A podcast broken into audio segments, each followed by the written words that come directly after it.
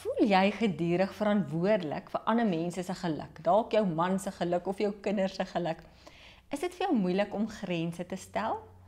Is jy iemand wat dit kom sommer net baie maklik vir jou om ja te sê? Dink jy dit is onchristelik om aan jou eie behoeftes te dink?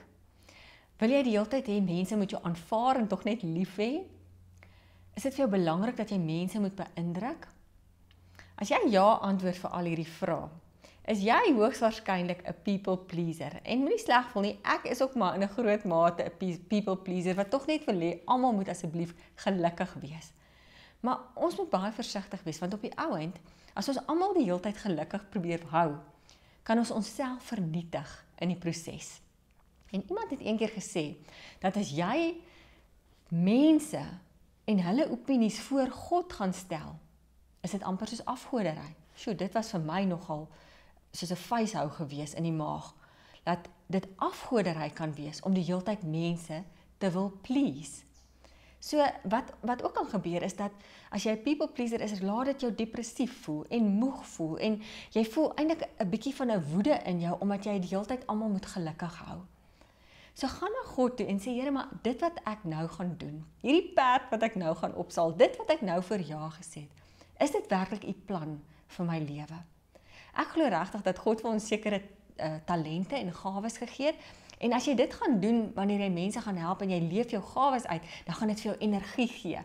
Soos kom ek noem 'n voorbeeld. Sien nou jy kan mense troos. Dan is jy iemand wat daar kan hospitaalbesoek doen en jy bemoedig mense en dan bemoedig dit jou vir jou op die koop toe.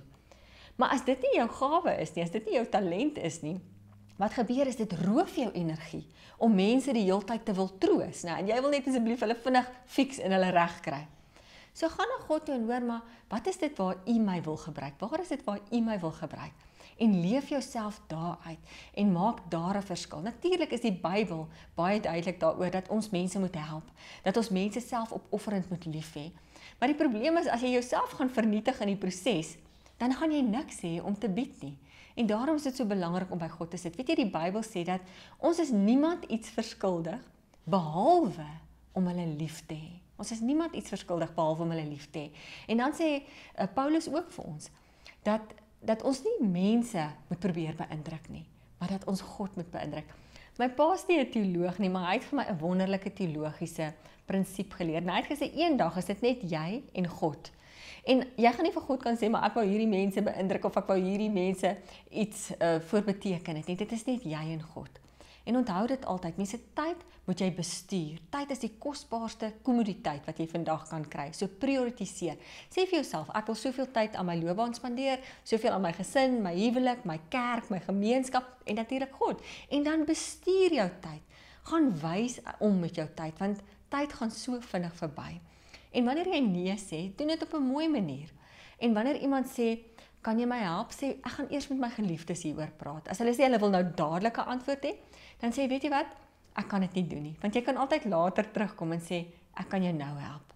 So wees moenie selfsugtig wees nie, maar wees gebalanseerd en vra vir God dat hy jou sal gebruik daar waar waar hy wil hê jy moet wees. Want anders is jy soos botter, so dun gesmeer dat jy op die eind nie vir jouself nie en vir niemand anders daar buite iets beteken nie.